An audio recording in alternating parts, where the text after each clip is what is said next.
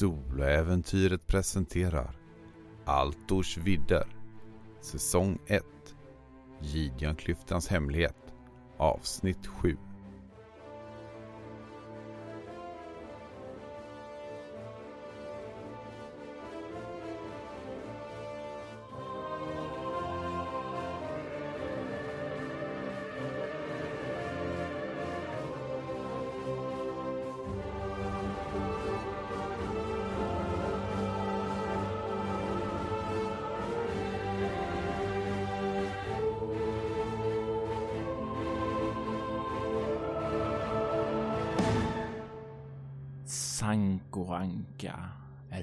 rör sig bort ifrån rasmassorna av det som var samlingssalen. Den här gruvkolonin kanske en gång i tiden var betydligt mer storslagen än vad den är nu. Men det var i en annan tid. Du passerar förbi rasmassorna och fortsätter längs den här gången i söder för att ta dig mot Imarias tempel där det är pulserande röda skenet syntes. När du kommer ut i nästa lite större gång så kan du se där att den är ganska avlång och att det finns byggnader som är byggda mot väggen. Du kan se att det är i slutänden av den här långa salen leder upp en vit marmortrappa mot en öppning ungefär fem meter högre upp in i berget. Och det är därifrån det här pulserande röda skenet syns. Men vägen dit kan du se att det är ett flertalet gengångare, odöda med intelligens från det förflutna, men som ändå är skal av sitt forna jag. Gengångare som enligt Karaleja är förslavad av Lorion. De står längs med den här stigen avvaktande, vakande. Nästan som om de oh, står där avstängda, bara väntar på att få en order. Du kan känna igen två av dessa som tidigare var på patrull här. som verkar nu ha tagit och ställt sig där och väntat. Du kan dock se att det mellan dem på den här stigen som leder upp där rör sig två andra varelser. Två stycken skuggbästar. Det är varelser som är nästan fem meter långa och tre meter höga. Det är en diffus skepnad du kan se eftersom det består av förtätat mörker, av förtätad skugga i skepnaden av en sabeltandad tiger. De rör sig fram och tillbaka och det är tack vare att det här röda skenet pulserar ut som du ser det. Du kan nästan se när det liksom pulserande skenet. Det, det dör ju inte ut och blir helt mörkt, men det blir ju lite mer dovt och då blir skuggbästarna nästintill omöjliga att se. När du står därifrån öppningen och stirrar in där så kan du se att det är sannerligen välbevakat här. Läge att testa ifall Karalias välsignelse är värd någonting kanske. Eh, jag eh, smyger mig fram Försöker hålla så låg profil som möjligt. Rör mig väl fram och kanske visar mig för några av gengångarna. Eller alltså går en sån väg så att gengångarna eventuellt kan se mig. För att se om de slår larm. Jag tänker att ser en skuggbäst mig och den här välsignelsen inte är värd någonting. Då är det rätt kört. Jag ser ju hellre att jag får försöka tysta en gengångare än att försöka ta en fem meters bäst utan magi. Eller vad det kan tänkas vara. Så att jag rör mig fram och försöker väl hålla låg profil och ja, notera ifall det är så att de ser mig. Jag tänker mig att du kan få slå ett slag för smyga här. Jag slog 15, vilket är ett misslyckande. Du börjar röra dig fram närmare där. Jag vill veta om hur du går tillväga. Försöker du komma upp bakom dem eller försöker du visa dig framför dem? Det var byggnader på bägge sidor som ledde fram mot målet. Jajamensan. Och det finns en stor gång upp däremot och sen längst bort finns en trappa uppåt där. De står vid eh, själva stigen, men det är ju finns så att du kan både försöka röra dig bakom dem och på gatan där framför dem. Det är ju på själva gatan som de här bestarna rör sig. Jag försöker undvika bästarna om det är möjligt. Eh, så att eh, smyger bakom i så fall. De håller sig lite närmare templet då, så du här i början så är det ganska lätt i alla fall att röra sig framför där. Jag försöker röra mig bakom eh, gengångarna. Och du kommer upp till den första. Känner här liksom känslan av att okej, okay, kommer den se mig? Kommer den se mig? Kommer den känna av mig? Den verkar inte reagera på dig. Och du känner dig lättat och slappnar av lite för mycket och kliver lite oförsiktigt fram. Och det är någonting som ligger det där för det sätter ner foten på någon gammalt metallföremål som har rostat sönder så det knastrar till där under din fot ganska ljudligt. Försöker trippa bort därifrån eh, några meter eh, så att eh, om de kommer och undersöker så springer de inte in i mig. Du hör, du tar några steg bakåt där och du kan ju direkt se att den, de två närmsta gengångarna vänder sig om när de hör det här ljudet och börjar kolla sig runt. Och jag tänker mig att du kan få slå ja, ett upptäcka fara. 20. Slå igen. 10, så ett fummel. Där så kan du få slå en T3 plus en för att se hur mycket erfarenhetspoäng du får av fumlet. Eh, en tvåa. I samma ögonblick som du trampar på den, tar steget bort, de vänder sig om. Du ser att de har stirrat rätt på dig och du ser att det här Karalejas välsignelse verkar inte ha hjälpt dig överhuvudtaget. De ser dig och de verkar börja röra sig mot dig. Vad gör du? Eh, springer. Var springer du? Eh, bakåt. Eller finns det någon väg framåt att springa? Där du står så finns ju rakt fram den här mellan den här raden av eh, gengångar och sen så finns det byggnaderna åt vänster och sedan den här nästan som tänkte en trottoar rakt framåt där. Trottoarområdet är ju vad du har att springa på, men du skulle kunna springa in i några byggnaderna också. Jag springer nog in. Nej, jag springer nog trottoaren. Mot Ja, ja, är jag upptäckt då är det att ta sig så fort som möjligt. Jag springer framåt. Du rusar framåt där och du kan se hur fler och fler börjar vända sig om. Hur du hör också de här bestarna. De börjar klampa framåt där ljudet kommer.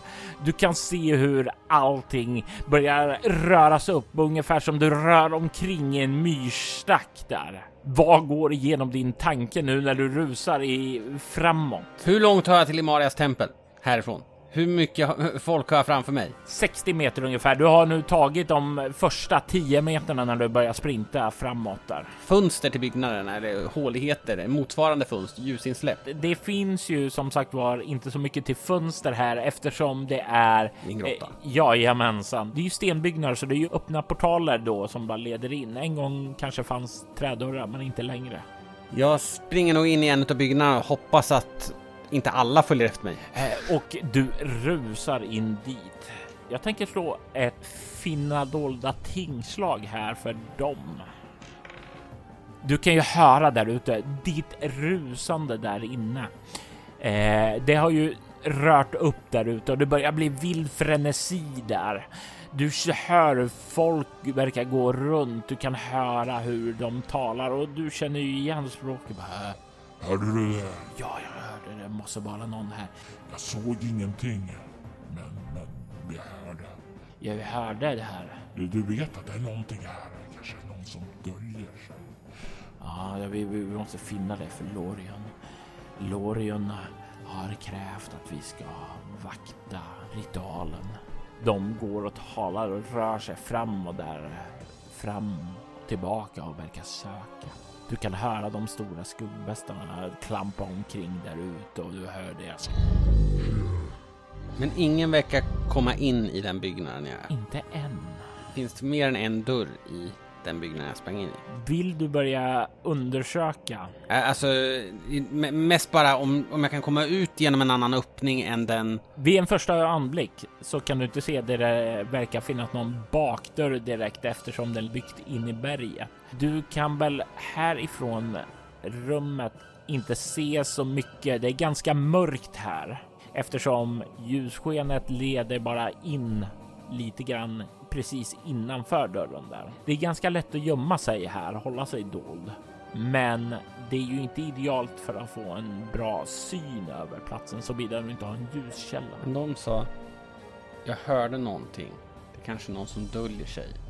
Så de har inte sett mig, vad det verkar som. Nej, det verkar inte som det. Då kanske det stämmer, det Karaleja sa. Försöker väl smyga ut igen. Och du är på väg ut och dina ögon stirrar rätt in i den gengångare som står där och stirrar rätt in i den här bostaden. Eh, jag har ju vapen i hand. Minsta tecken på att han verkar se mig så kommer jag hugga. Du ser han stirrar rätt på dig och är på väg att ta ett steg framåt. Då backar jag. Det kan ju vara... Och den får 19 på sitt slag. Jag bara, var det mitt eller hans Det var hans slag. Du har tur Mm. den här gången. Han kliver in och du kan också ta ett steg bak undan. Du kan se han rör sig inåt. Där.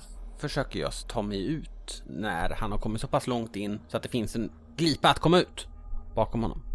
Du kommer snart förbi bakom honom, kliver ut. Du kan se hur de gengångarna som är här ute, de står inte uppradade på led. Du kan se hur de verkar genomsöka det här området, hur de går runt och letar, de går in i byggnader. Du kan se hur eh, skuggbästarna verkar ha satt sig ned på vardera sida av den här trappan. Så om du ska upp för den in i templet så måste du smyga dig mellan dem. Men lärdomen är att de verkar inte se mig, så det är bara att försöka vara tyst. Vilket Sanko Anka aldrig har varit så bra på. Det fanns ju en tid i ditt tidigare liv då du bar en ringbrynja. Tack och lov så låter din drakskinsröstning betydligt mindre än den. Ja, det finns ju bara en väg och det är framåt. Så ja, jag försöker röra mig framåt så tyst jag kan och intala mig att de kan inte se mig. De kan höra mig, men de kan inte se mig just nu. För då hade jag varit- körd. Så att jag hoppas bara att samma sak gäller för skuggbästarna. Jag rör mig mot trappan, försöker vara noga med var jag sätter fötterna och att jag inte råkar krocka med någon. Mm. Och det blir ju verkligen så här, för de rör sig framåt. Du kan ju se hur en del verkar stirra på dig. Det blir så här en stund där du känner, vänta nu, ser den mig? Nej. Och medan du går framåt där så känns det ju som en verkligen en får i en vargflock. När som helst så kan det minsta felsteget få dig att bli upptäckt.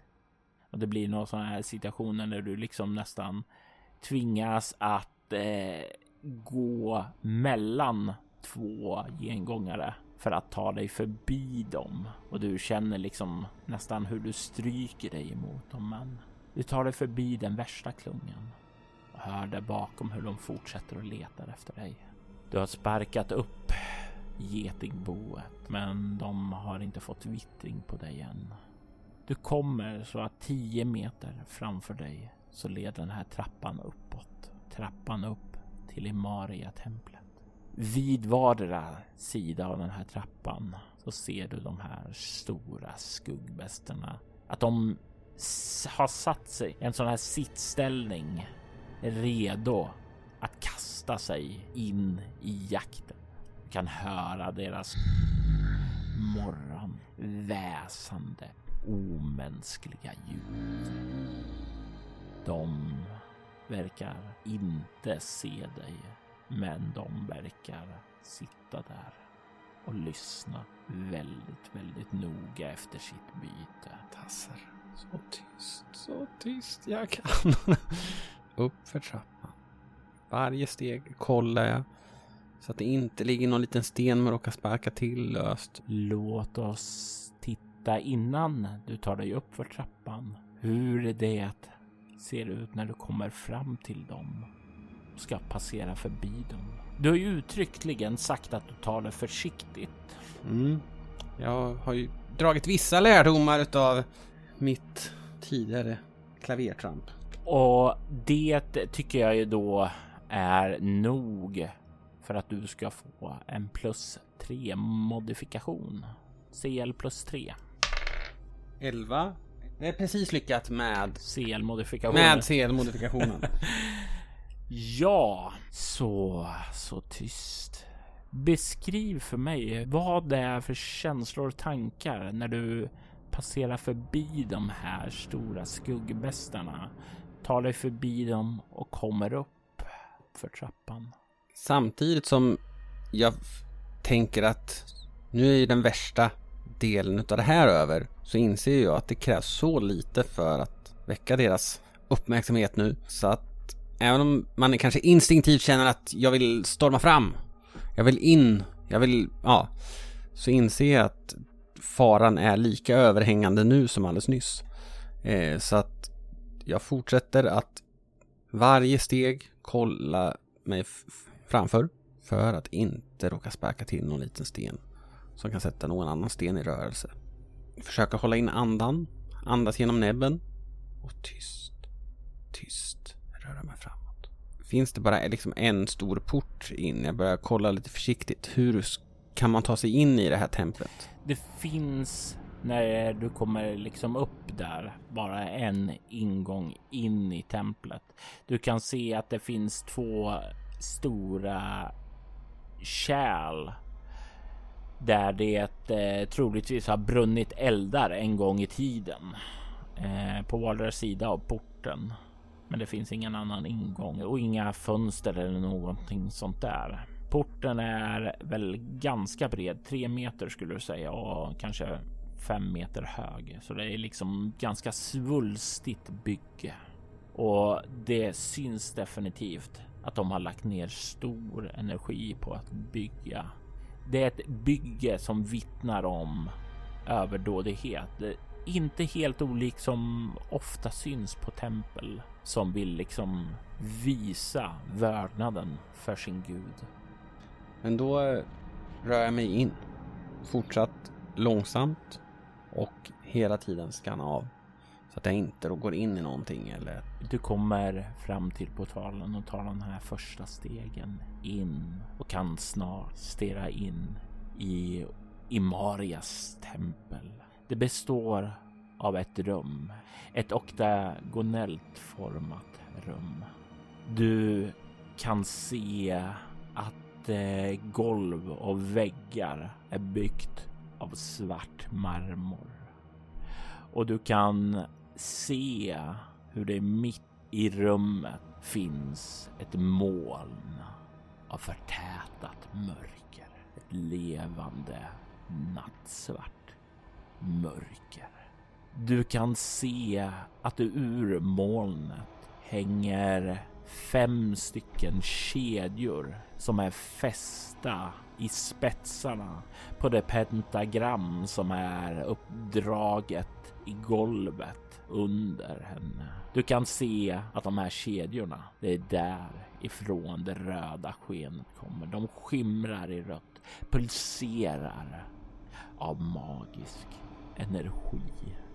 Du kan se att det finns fem stycken gengångare här. En framför varje spets av pentagrammet som står med ryggarna emot dig. Som om inte det vore nog så kan du se två andra individer här. Du kan se barnet svävar i luften. Det verkar skrika och gråta men inga ljud kan höras från det. Det är som om det har tystats på magisk väg för att oljudet som det ger ifrån sig behagar inte den man som står vid barnets sida. Mörkeralven Lorion. Han är en lång och smal alv som har en likblek hud. Hans kinder är insjunken och ger ett tärt intryck. Men det är någonting kring Lorion som vittnar om en imponerande styrka. De höga kindbenen är mycket skarpt markerade och ut över axlarna så kan du se hans svallande vita hår. Ögonen stirrar obehagligt in mot mörker. Men du kan se också att ögonen inte har de här liksom kattformade pupiller som alver brukar ha. De är istället helt svarta. Han går klädd nu i en vit tunika. Och du kan se att han har ett svärd vid sitt sida i en metall som ser ut, ja det ser ut som svart stål. I hans ena hand så kan du se hur han har en av de här kronjuvelerna. Du kan se hur den också är gjord i ett svart stål och har inläggningar av både silver och ädelstenar. Det är dekorativa snirkelmönster som är både förvridna och groteska på den.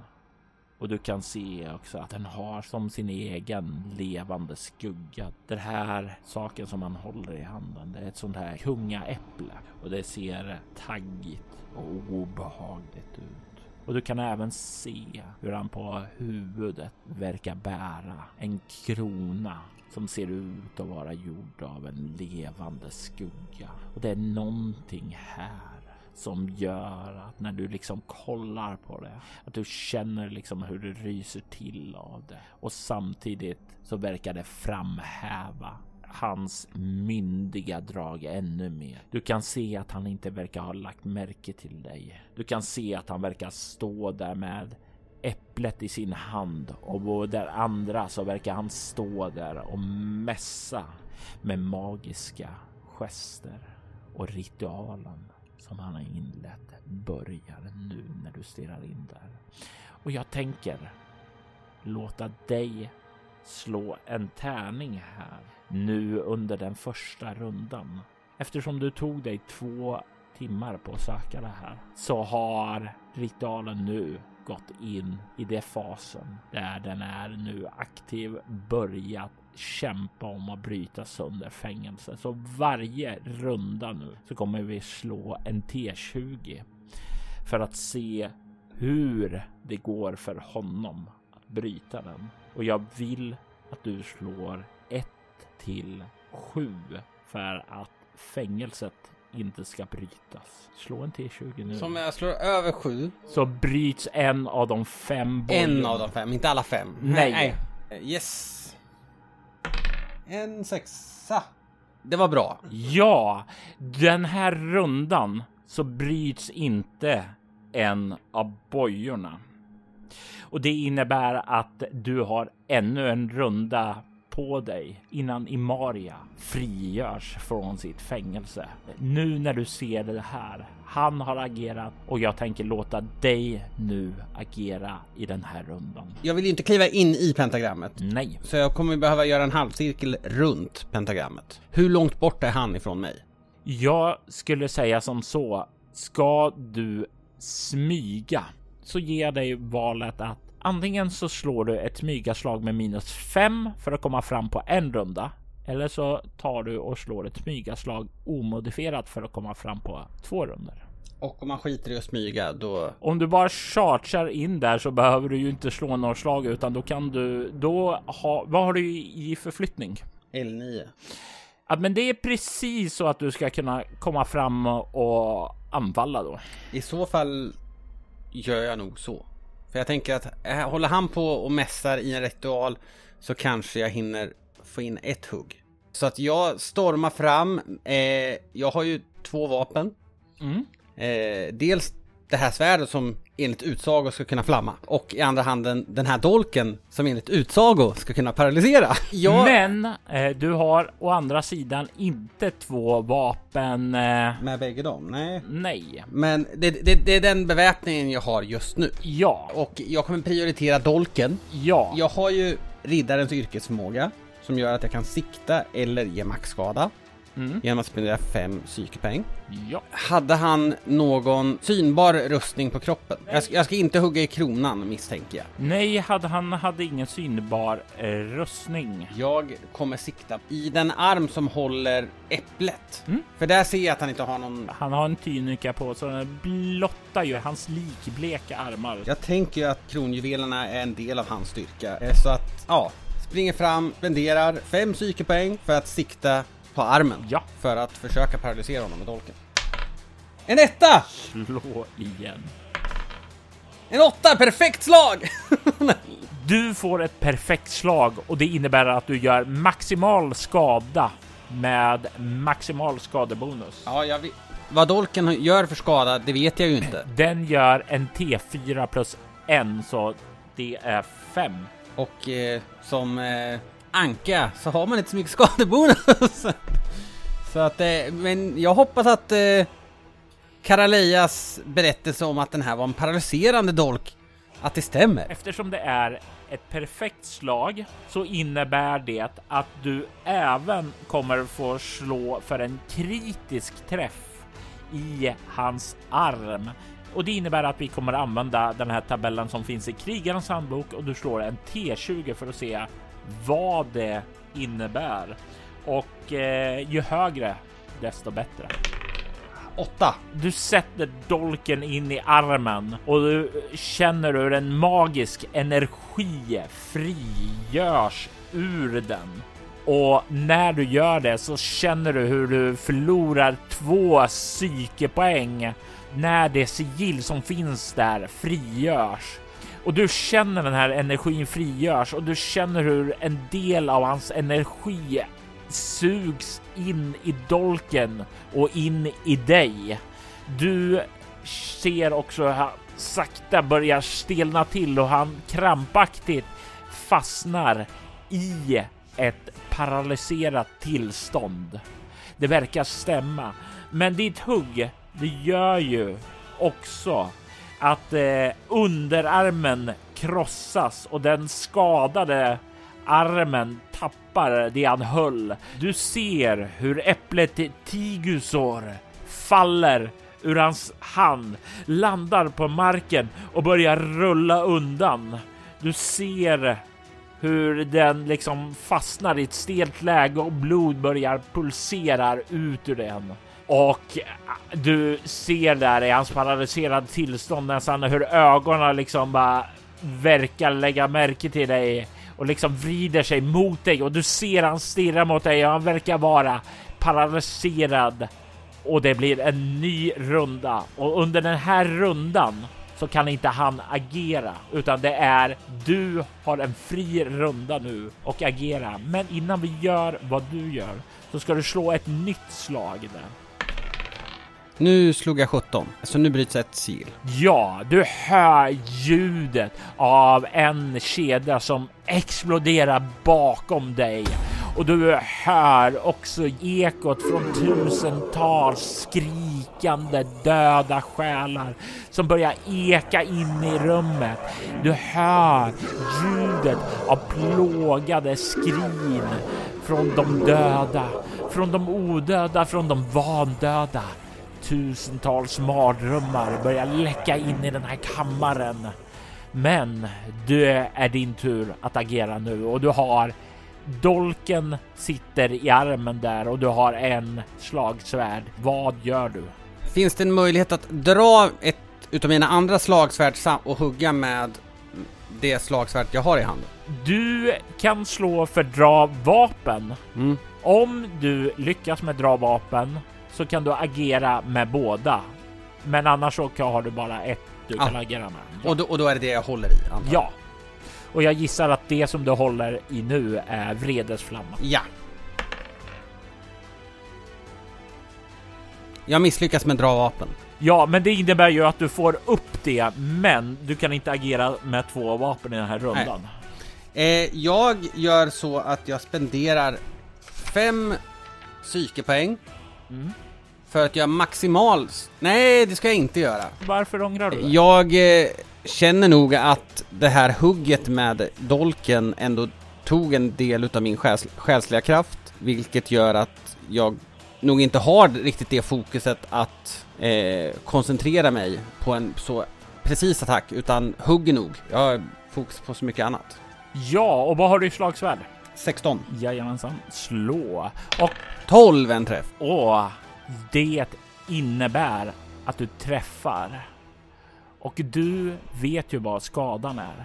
Men du lägger märke till en annan sak.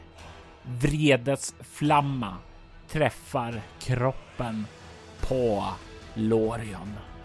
Och när den gör det så ser du hur den börjar flamma upp i en heligt ljussken. Ett brännande skarp flamma sveder hans kropp och du kan dra av två stycken psyke och det innebär att du lägger till två T6 på skadan. Precis. eh, hade jag använt den så, eh, riddarens förmåga, då hade jag varit död. Ja, för går man ner på noll i psyke så dör man. Så din impuls där räddade Sankos liv. 17. Du träffar med svärdet där och du ser hur det börjar brinna liksom i hans kropp. Du ser hur köttet där börjar sveda och du ser att det här är en skada som borde sänka de flesta. Men det är någonting där, någonting i smärtan som får honom att bryta sig lös ifrån paralyseringen. Han är inte fallen, han är kraftigt skadad, men nu är han fri och det är en ny runda. En ny runda för honom att agera emot dig och det är dags för ett initiativ. Jag är snabbslående, är han. Din hjälteförmåga gör att du agerar först för han har det inte. Däremot så är du inte först i rundan för det sker någonting nytt. Du ska slå för nästa boja En tvåa och fängelse håller där. Du kan se i ditt ögonvrå där när du kämpar emot Lorion hur det här barnet det verkar ansträngt. Du ser svettpärlor börja komma fram där och du får en känsla på att du inte är den enda som verkar strida. Det verkar som om någonting verkar försöka gripa sig in i pojkens sinne, men pojken verkar göra motstånd och samtidigt i bakgrunden så hörde de här ljudet, ekot från de döda som liksom sprider sig in här och du känner att det börjar växa. Det börjar bli mer och mer märkbart och du är rätt säker på att det kommer att tära på ditt sinne. Vid nästa boja som spricks så kommer du att få slå ett skräckslag. Eh, men innan det så är det din tur och jag gissar på att du vill. Det första du vill göra är att slå för två Ja. vapen. 11. Och jag har 12. Ja, eh, du lyckas, vilket innebär att du kommer få attackera först och sedan har du en handling till att göra. Du kan använda den för att parera eller så kan du eh, attackera efter att Lorion har gjort sitt. Ja, jag har ju huggit honom i hans arm så att han... Eh, jag tror ju att... Ja visst. Sen är, han, verkar han ju vara besvärjare enligt. Så att jag, den, det är nog snarare en sån typ av attack jag är mest rädd för just nu. Jag är rädd för mycket, men... eh, jag eh, hugger honom med eh, vredesflamma. Men innan du gör det, vad går igenom eh, Sankos eh, tankar här nu när han gör sig redo för att hugga med vredesflamma en gång?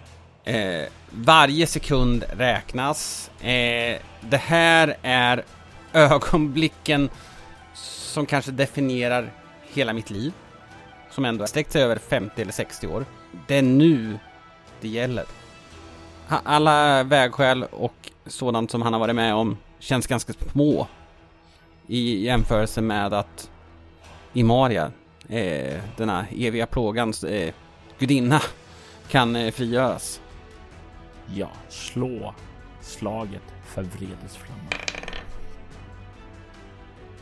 11, en träff.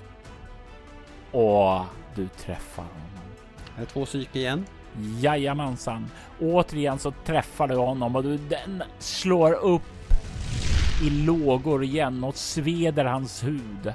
Och när du liksom drar den vidare ut så slocknar svärdet nästan med detsamma. Det verkar som när den är, kommer i kontakt med huden vid själva hugget så verkar den flamma upp. Spelar det någon roll var på kroppen man träffar? Nej, Nej, vi kör inte med särskilda såvida du inte Siktar. uttryckligen siktar med till exempel din förmåga eller som du gjorde nyss slog perfekt. 15. Beskriv vad som händer då du nedgör den här uråldriga alven som har planer på att frigöra en gudinna. För Gud vet vad för infernaliska planer. Beskriv när hans ände nås av ditt svärd. Allt som åker igenom mitt huvud just i denna här stunden är att det här är sista chansen. Får han möjlighet att attackera mig med alla de krafter som han sägs ha så kommer han sannolikt tillintetgöra mig.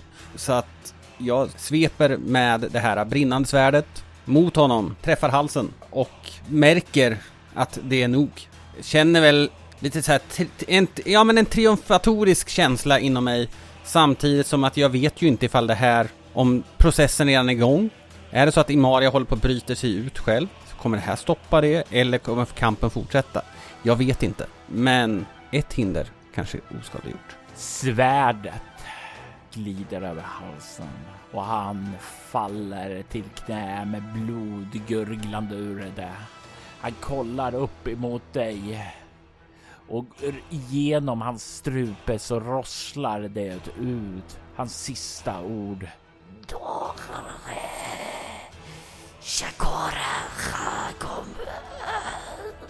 Och sen så faller han framåt till marken och en ny runda tar plats och jag vill att du slår ytterligare för nästa boja.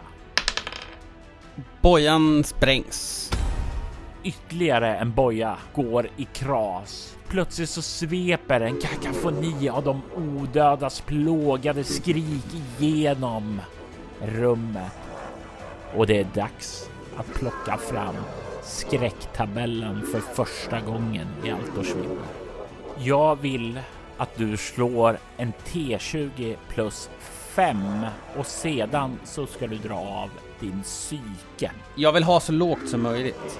Ja, Ett blir slutresultatet. ett innebär att du är oberörd av skräcken. Beskriv vad som får det, det här skrikande, det fasansfulla som väller över dig att tryckas undan.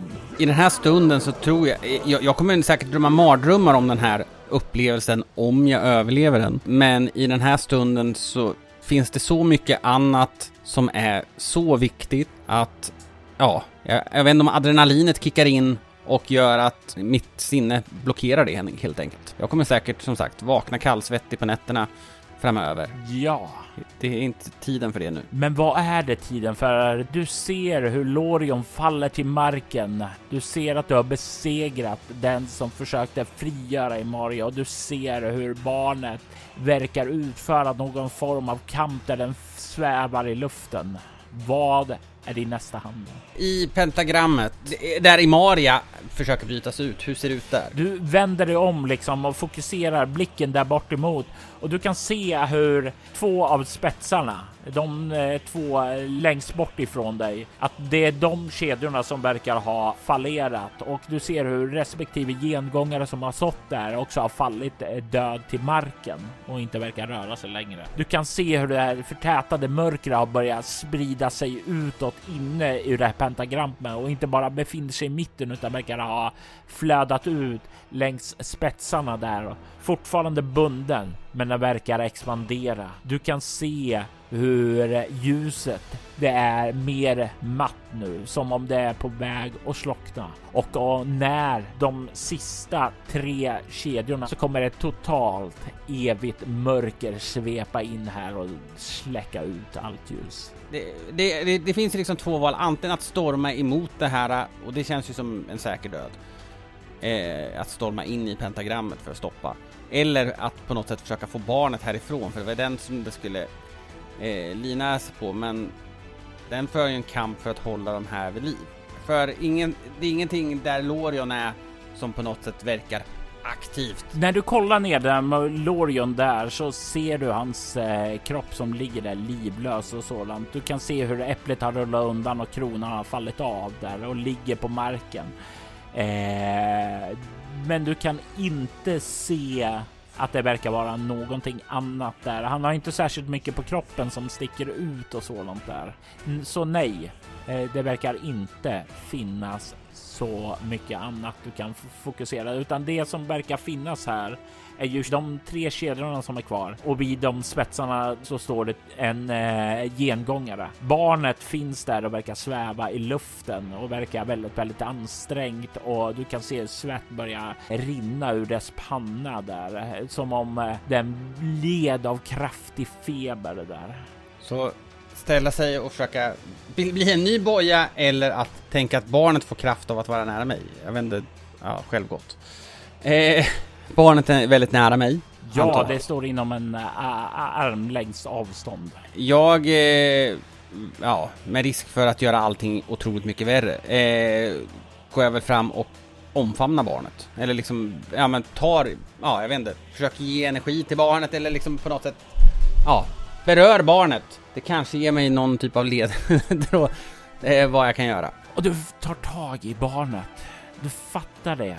Och du återigen så känner du närheten till barnet.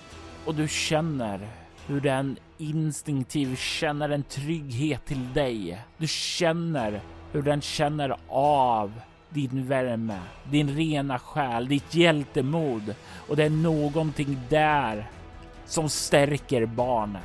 I denne så frigörs en stor magisk kaskad som sveper ut ur rummet. En kraftfull magisk urladdning från det här barnet som har så mycket magisk energi i sig, men ingen som helst träning. Det sker en magisk explosion och det är som i ett ögonblick att det slits upp en portal. En portal framför dig. Du ser hur det bildar ett vortex.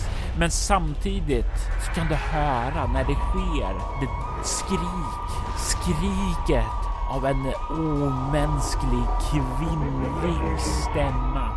En mardrömslik gudinna som skriker av en uppiskad ohelig vrede då den känner hur det här fängelset som var på väg att brytas hur grinden börjar låsas igen, hur den här möjligheten att fly slår igen.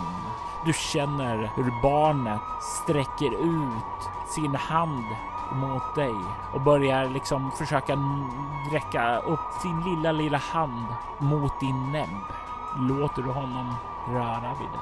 Ja, jag har ju bara fått goda vibbar från barnet så att eh, det gör jag. Och i samma ögonblick som du gör det så känner du hur den magiska energin liksom den slår in i dig.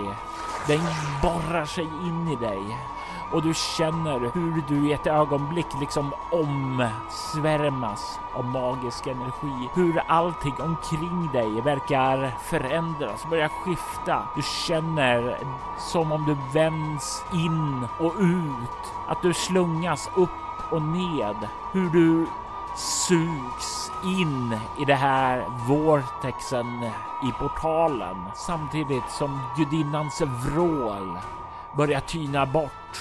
Du känner hur allting snurrar och sedan blir allting svart. Vortexet var borta och ekorna av striden dog sakta ut. Det obehagliga skenet i Imarias tempel lyste återigen, men det var något mattare den här gången. Bortsett från Lorions lik och de två kronjuvelerna ur den mörka uppsättningen som låg på golvet så var det mesta sig likt. Saker och ting var dock annorlunda.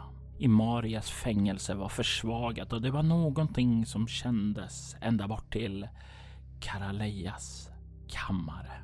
Karaleja kunde känna hur bandet till sin gudinna stärktes då fängelset nu var försvagat. Hon var inte fri, men detta var åtminstone bättre än att Lorion skulle pervertera Imaria till något ovärdigt. De båda var fortfarande fängslade, men Karaleja kunde känna hennes gudinna fylla henne med den styrka hon inte hade haft innan den tredje konfluxen. Tack Maria, jag hör dig igen och jag lider. Karaleja slöt sina ögon och fokuserade på sina undersåtar där ute. Det var dags att återta kontrollen.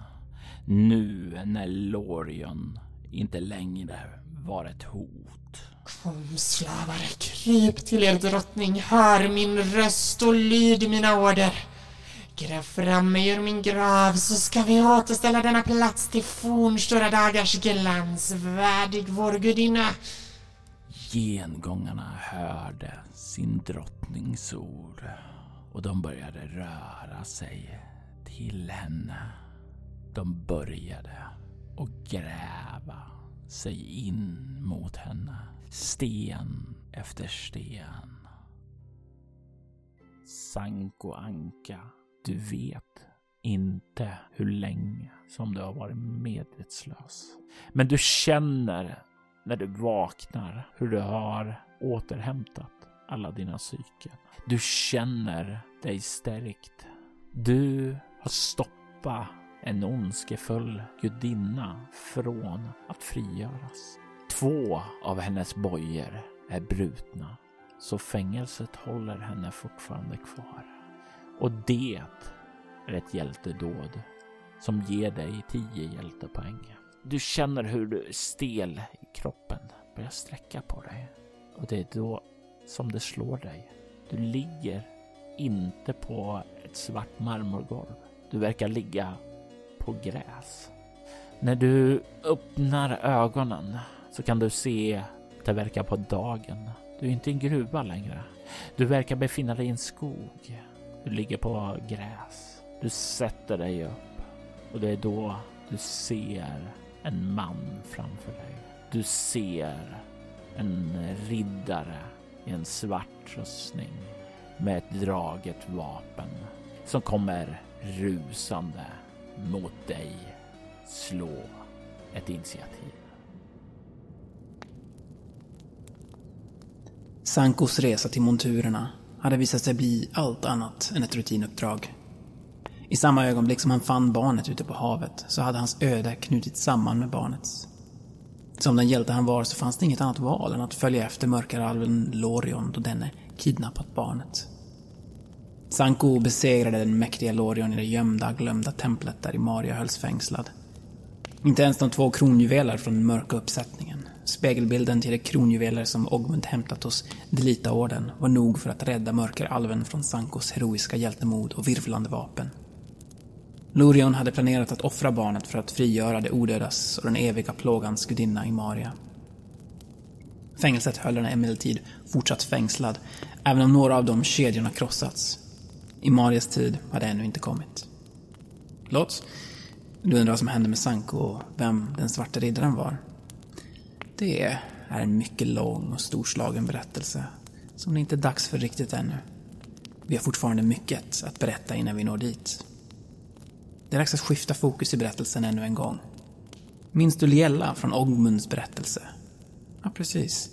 Den unga flickan som var utvald att bära Delita-ordens heliga låga inom sig. Hon är personen som vår nästa berättelse handlar om. I detta avsnitt hör vi Jimmy Jonsson som hjälten Sanko Anka och Agnes Rudbo som Karaleja, monturens sista drottning samt Mattias Fredriksson som Karkionen Iblis. Spelledare var Robert Jonsson som även klippte och redigerade avsnittet. Gideonklyftans hemlighet är ett äventyr skapat av Robert Jonsson 2020 baserat på material ifrån boken Monturerna från 1989 som skrevs av Jonas Lindblom och Leif Eriksson. Övriga böcker som används i detta avsnitt är Alver, Monster och män i Erebaltor samt Krigarens handbok. Altos Wilders temamusik gjordes av Andreas Lundström medan övrig musik i detta avsnitt gjordes av Adrian von Ziegler, Aski, Magnus Erlandsson, Randall Collier Ford samt en kollaboration av Alphax One, Proto-U och Ona Sander. Alphax One, Proto-U, Randall Collier Ford och Ona Sander tillhör bolaget Cryo Chamber. Behöver du stämningsfull musik till dina spelmöten rekommenderas de varmt. Länkar till de artisterna hittar du i avsnittets inlägg. Altos Vid är en spin-off-podd av Soläventyret. En rollspelspodd där du kan höra skräck och science fiction spelas i form av rollspelen Bortom och Leviathan. Du hittar mer information om båda poddarna på bortom.nu. Du kan följa oss på Instagram och Facebook som Altors Vidder eller Spela Bortom. Det går även bra att mejla oss på info.bortom.nu. Vill du stödja Roberts fortsatta kreativa skapande kan du göra det på patreon.com Robert Jonsson. De som backar får tillgång till material i form av extra poddar och statusuppdateringar. Vi vill ta tillfället i akt att tacka Martin Stackelberg, Mia Gibson, Ty Nilsson och Daniel Pettersson för det stöd som de givit. Jag är Jörgen Niemi. Tack för att du har lyssnat. Ja, eh, du bröt ju Karalejas eh, löften och du kommer aldrig... Jag fick aldrig det valen! Grejen här är att eh, Karaleja är inte en god person. Hon är Imarias överste prästinna. Så det var bra att jag inte gjorde det. Ja, eh, hon, allt det hon sa Lorion skulle göra. Stämde. Ja, allt det hon sa att Lorion skulle göra är vad hon skulle göra. Det är den här klassiska lugnen som stämmer på alla detaljer, men man byter en liten detalj. Istället för att säga det är jag som har gjort det här, så är det han. Lorion hade en agenda som kanske inte var god, men han var emot ett hot, Shakora, som är en del av den djupare storyn i Altors Vidders metaplott. Så ja, eh, twisten här var ju att han är ond, men han är ändå god. Och den här twisten nu som sker, det är ju att du har slungats genom både tid och rum och landat på en annan plats. Och det här är ingången till döda skogen. Ja. Eh, Hur kändes det här? va, va, det här var det förväntade förloppet, mer eller mindre. Det som jag såg att det, var det var tanken att du skulle hamna där. Ja, hur du skulle kunna göra det var däremot öppet för diskussion. Du hade kunnat Prata med Du hade kunnat prata med Lorion och då hade du kunnat få veta mer metaplots eh, information eller lyssnarna hade kunnat få veta mer metaplots information. Ja, men någon Eh. säger att de är goda, då är de goda. Ja. Då tänker jag besegra de som är onda. Eh, Det är inte bara Ogmund som kör den. nej, eh, och det andra var ju helt enkelt att du hade, det hade frigjorts alla de här bojorna mycket snabbare Mm. och då hade du mer eller mindre också slungats iväg här för då hade barnet försökt i en eh, last act of defense försöka rädda er två Ja. och då hade ni också hamnat här. Men då, Men då, då hade Imaria varit frisläppt. ja, och det hade förändrat eh, väldigt mycket i plotten längre fram för andra då. Eh, I helped. Jajamensan, det gjorde du. Du såg till, det var ju, och det är därför också du fick hjältepoängen där. Hade du inte lyckats så hade du ju inte fått Nej. några hjältepoäng. Eh, det fanns ju också möjligheterna där som du var så nära att göra. Eh, att eh, Gå in, dö. och, gå in och ställa sig och försöka, eller Nej, eh, att, eh, jag tänk, Attackera. Att spendera för mycket sypoäng. Ja. Och hade du spenderat som det där du sa, fem för att träffa, så hade du givetvis nedgjort honom. Och då, Då hade du dött där också och då hade Sankos historia varit slut. mm. Så eh, Så det var en eh, typisk sån här player skill att komma på att just det, Mm. inte spendera för mycket. Och eh, ja, så... Är det eld E2 som... Eh, Ja, precis. Eld E2 när den träffar en fiende. Ja. Eh, och dolken är ju jag med för den... Ja, den var bara en eh, one hit. Jo, jo, jo men precis. Eh, och med tanke på att den kändes ond så skulle jag nog inte vilja haft den i alla fall. Eller ja, det, det är praktiskt men... Mm. Och det var ju också en sån här eh, hint också ifrån eh, ja, att Kalaleja kanske inte var Så, nej. så god. Hur kändes överlag där att besöka monturerna? Jo men alltså... Ja, vi- visst var det så att jag ägde monturerna under en period när vi var barn. Ja, jag tror du var Eh, den som köpte den först. Eh, och, och då kommer jag, då bläddrar man ju bara åh men höga värden. Uh. Så att några namn sådär eh, kändes ju bekanta. Jag tror att Karaleia eh, var ett sånt namn. Eh, sen är framförallt de här, ja men ke- kejsaren. Eh, Attar, Sparvhjärna. Mm. Eh, Ja, det är ju framförallt Attar Sparvhjärna som eh, är den som är av de normala och sen är det Karaleja. Det är väl de två stora. Ja, Eh. men eh, och den, sen, sen, sen pratar de ju mycket om, eh, om jag minns rätt. Fast nu är det 20 år sedan, eller 30. Eh, ja men om, om, vad fan hette? Maria. Nej men... Eh, nu, är vi, nu är jag längre tillbaka. Maurits Bergensvärd och... Eh, alltså, eh, alltså de gamla hertigarna i... Mm. Eh, de nämns ju lite grann i monturerna. Men det, det, det är ju mer för att sätta en setting och för att Ja. få in mig på barnet och ge mig ett mål. Liksom. Eh, det är ju som sagt var monturen var en sån här underskattad modul tycker jag när man kollar tillbaka. För det var inga äventyr utan det var en setting. Och det var ju därför eh. den bl- blev lagd åt sidan. Mm. Eh, Medan den har en massa storyhooks eh, och ja, en, Ja, nej men alltså det som fångade min uppmärksamhet är ju helt klart Imaria. Eh, och det är ju en sån där sak som eh, också knyter an till andra böcker och sådant som Krilloan. Det kommer också Imaria och sådant där. Och det är ju en, också en del av det som jag också har vävt in i Altor Schwidders stora metaplott. ja, jag tar av med den bara. Ja. För nu behöver jag inte ha den. Eller- Nej, men eh, håll dig i närheten av micken för vi spelar fortfarande in. Aha, förlåt. Eh, Sorry.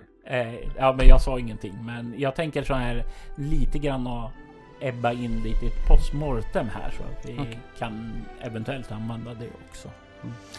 Nej, men alltså det, det var ju en modul eh, som eh, ja, fångade mig just i den delen i Maria. Men det var ju inte som på den tiden var man mer intresserad av ett rena äventyr och inte äventyrsfram. Mm. Så det blev Eller sånt man kunde väva in i när man gjorde en ny karaktär. Ja, ja, ja Karaktärsskapandet var jätteviktigt. ja, men så var det ju. Så var det ju. Så den blev ju aldrig riktigt använd här på den sättet. Men det fanns alltid där. Men det finns ju inte bara den här Imaria och Karaleja och den här. Mocklider. eh, Ja, eh, men det är ju Attar Sparvhjärnas eh, gud. Mm. Eh, och det är ju en annan sak som jag faktiskt har använt i en annan kampanj Mm. som vi spelade då tillsammans med. Ja, det var vad heter det? Var väl några av våra vänner. Eh, och eh, det. Men det finns ju så mycket mer där. Eh, och Attas Sparvhjärna och Mokelider, det var ju liksom också en del av det fantastiska. Men det finns ju mer här. Alltså, vi har ju en hovintriger också som presenteras. Vi Mm. har en egentligen en härskare som har väldigt lite makt och styrs av ett råd och sådant också. Alla dessa ondskefulla magiker. Eh, Visst var magiker enligt ryktet den här... Eh, en av rådgivarna. Ja. Mm. Ja, men det stämmer. Eh, och det var ju definitivt någonting också som man kan dra där i. Alltså det finns en hårkonflikt och den jag kände så här att när du nu har hjältestatus och har rört det där så det kändes naturligt att introducera den eh, lite grann där. Mm. Vi teasade lite om re, re, ja, vad säger, motståndsrörelsen så att säga. Ja. Eh, och eh, så innan du vad heter liksom kom hit. Eh, för det är ju någonting eh, som eh, jag, jag, jag, kände att jag vill visa upp det här Mm. innan vi kommer in på det som är Min story. Ja, Ja. precis. Eh, för det är ju sådana saker som kan bli relevanta längre fram när nästa hjälte kommer hit till monturerna. Mm. Och eh, samtidigt så kände jag ju att eh, ja, äntligen så kan man använda lite eh, andra saker ur boken som aldrig blivit använd. För det är ju det har ju varit eh, som så att den har liksom inte fått. Man har inte eh, använt den så att den har varit värd sina pengar tidigare. Nej. Vad skulle du säga är den eh, händelse som du minns bäst från själva spelmötet? Var det någonting som kändes mer skoj än de övriga eller något som lämnade ett djupare intryck kanske jag ska säga? Jag känner väl att eh, det, det var väl egentligen två ganska olika delar som jag uppskattade mest. Eh, dels så tyckte jag ju att det var trevligt att, ja men exempelvis när, i den här societetsfesten i hos hertigen. Eh, att spela lite grann på det. Det här att, ja men att, ja men att mingla och samtidigt lite detektivarbete, ja men lite exposition sådär. Eh, och att, ja men bilda sig en uppfattning. För i, i det tidiga skedet så visste man ju ännu mindre än vad man gjorde i slutet när man inte visste så himla mycket. Eh, men ja, en, en liksom att, att luska lite grann. Försöka få ledtrådar som man sen kanske hade användning av längre fram. Eh, och sedan så är det ju, ja men när allting börjar ställa sig på sin spets på slutet. Eh, känner jag väl kanske också. Och sen att det slumpade sig så att jag lyckades slå perfekt slag vid precis rätt ögonblick. Var ju en ganska stor nyckel för att kunna vinna den striden. För jag misstänker att hade den striden skett på schyssta villkor. Det vill säga att han inte hade blivit paralyserad och haft en allvarlig skada i armen. Eh, så hade den blivit mycket, mycket svårare. Ja, hade han fått agera så hade han ju börjat. Det, det första han har gjort var ju att eh, kalla på alla gengångare att komma hit. Mm. Och det hade ju drastiskt, ja, till att börja med så hade jag haft Stänga fem, fem till eh, att slåss emot. Mm. Eh, och det hade ju förändrat dig. Ja, det hade ju satt dig i ganska hård knipa direkt. Ja, och det hade ju framförallt stängt alla utvägar. Det här, ja, från att någonsin komma ut. Mm. Så. Eh, och plus sen i det skedet när man inte hade så himla mycket psyke kvar. En magiker kan ju faktiskt ha nytta av det, speciellt en nekromantiker kan jag tänka mig.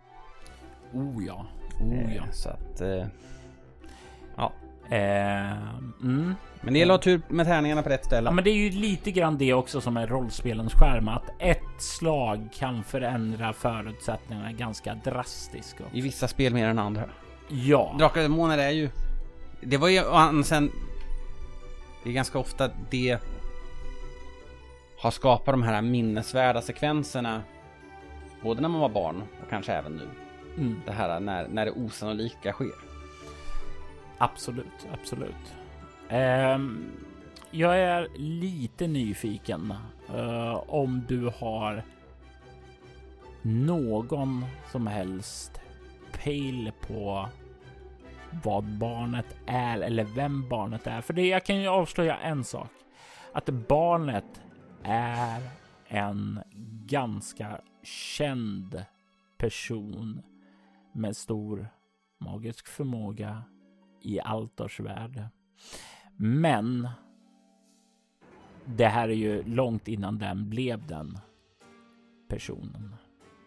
Och det här är en del av den vidare handlingen i själva Altors vidder.